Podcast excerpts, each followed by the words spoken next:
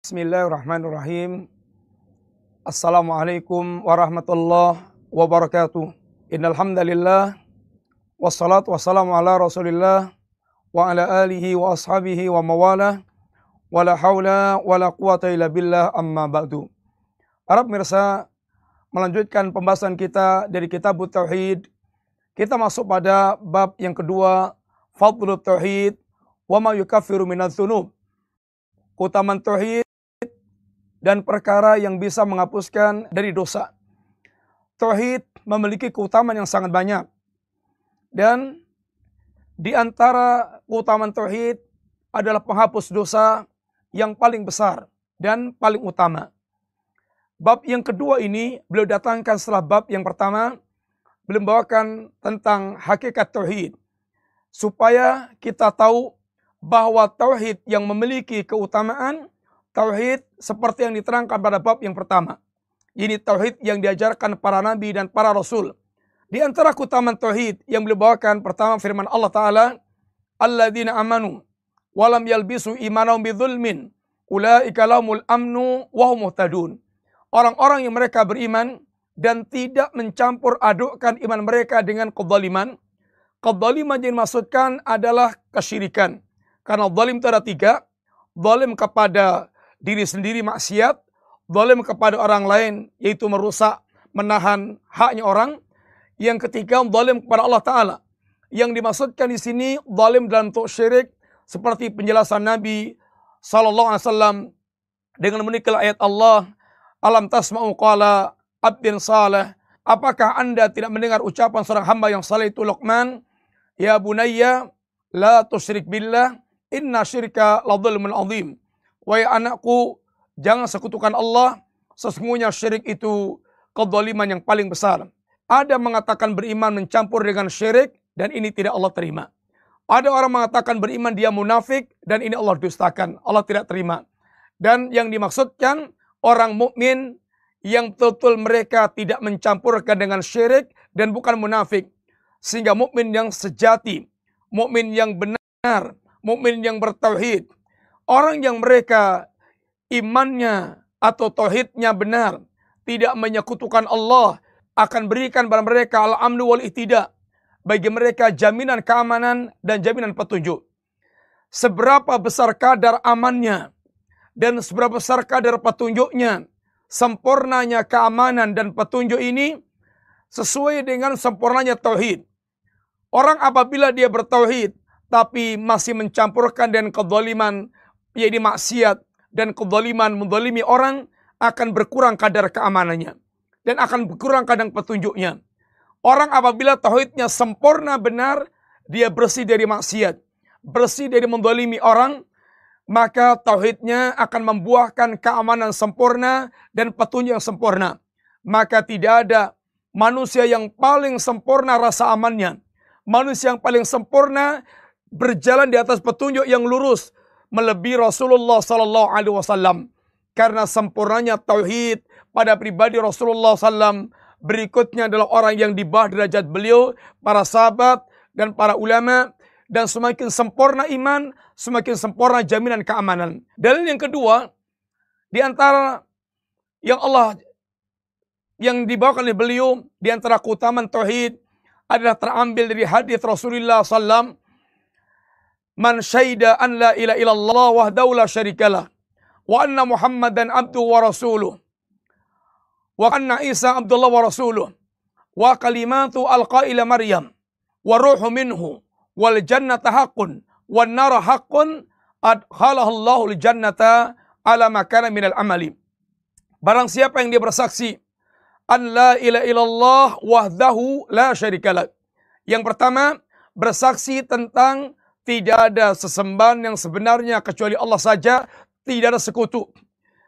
Persaksian kedua, wa Muhammad dan abdu wa rasuluh. Muhammad adalah hamba Allah, bukan Allah, bukan anak Allah, tidak memiliki sifat rubiyah dan uluhiyah. Dan Muhammad adalah hamba Allah yang punya kewajiban beribadah kepada Allah.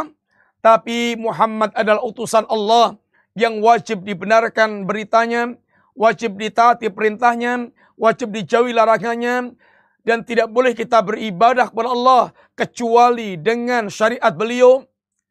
Kemudian keyakinan yang ketiga tentang Nabiullah Isa, Isa lah hamba Allah, bukan Allah, bukan anak Allah, bukan Allah itu sendiri.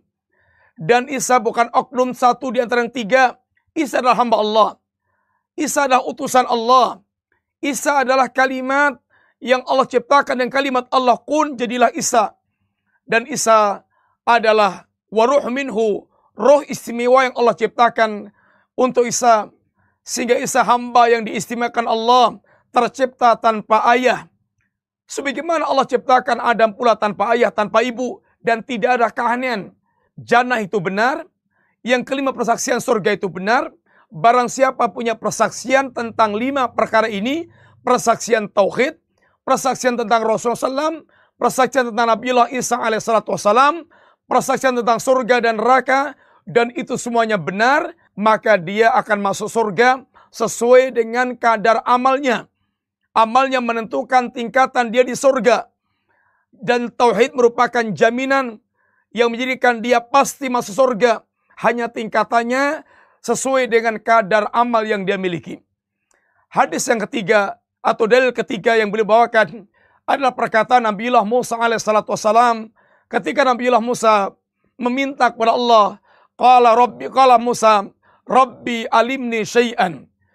Ya Rabb kata Musa, ajarkan kepadaku sesuatu untuk berzikir kepadamu dan meminta kepadamu. Apa kata Allah? Qul ya Musa, La ilaha illallah. Ucapkan dia Musa, La ilaha illallah. Dia sangka ini kalimat-kalimat umum. Kata Musa, Ya Rab, Kullu ibadika yakuluna hadha. Ya Rab, semua hambamu mengucapkan kalimat ini. Lalu Allah pun ingin jelaskan pada Musa. Di mana letak hebatnya kalimat La ilaha illallah yang Allah memerintahkan Musa berdikir kalimat tersebut. Kata Allah, Ya Musa, lau anna samawati sab'a wa amirahunna ghairi wal arina sab'a Wahai Musa, seandainya langit yang tujuh dengan penduduknya selainku dan bumi yang tujuh fi kifatin diletakkan di sebuah daun timbangan. Wala ilaha illallah fi kifatin dan kalimat la ilallah diletakkan di, di daun satu timbangan di daun timbangan yang satunya lagi. Malat bihinna la ilaha illallah niscaya lebih berat daun timbangan yang ada kalimat la ilaha illallahnya sehingga ini merupakan keutamaan yang sangat besar. Dalil yang terakhir yang beliau bawakan adalah hadis kursi yang Allah sebutkan tentang keutamaan kalimat ini dalam menghapus dosa.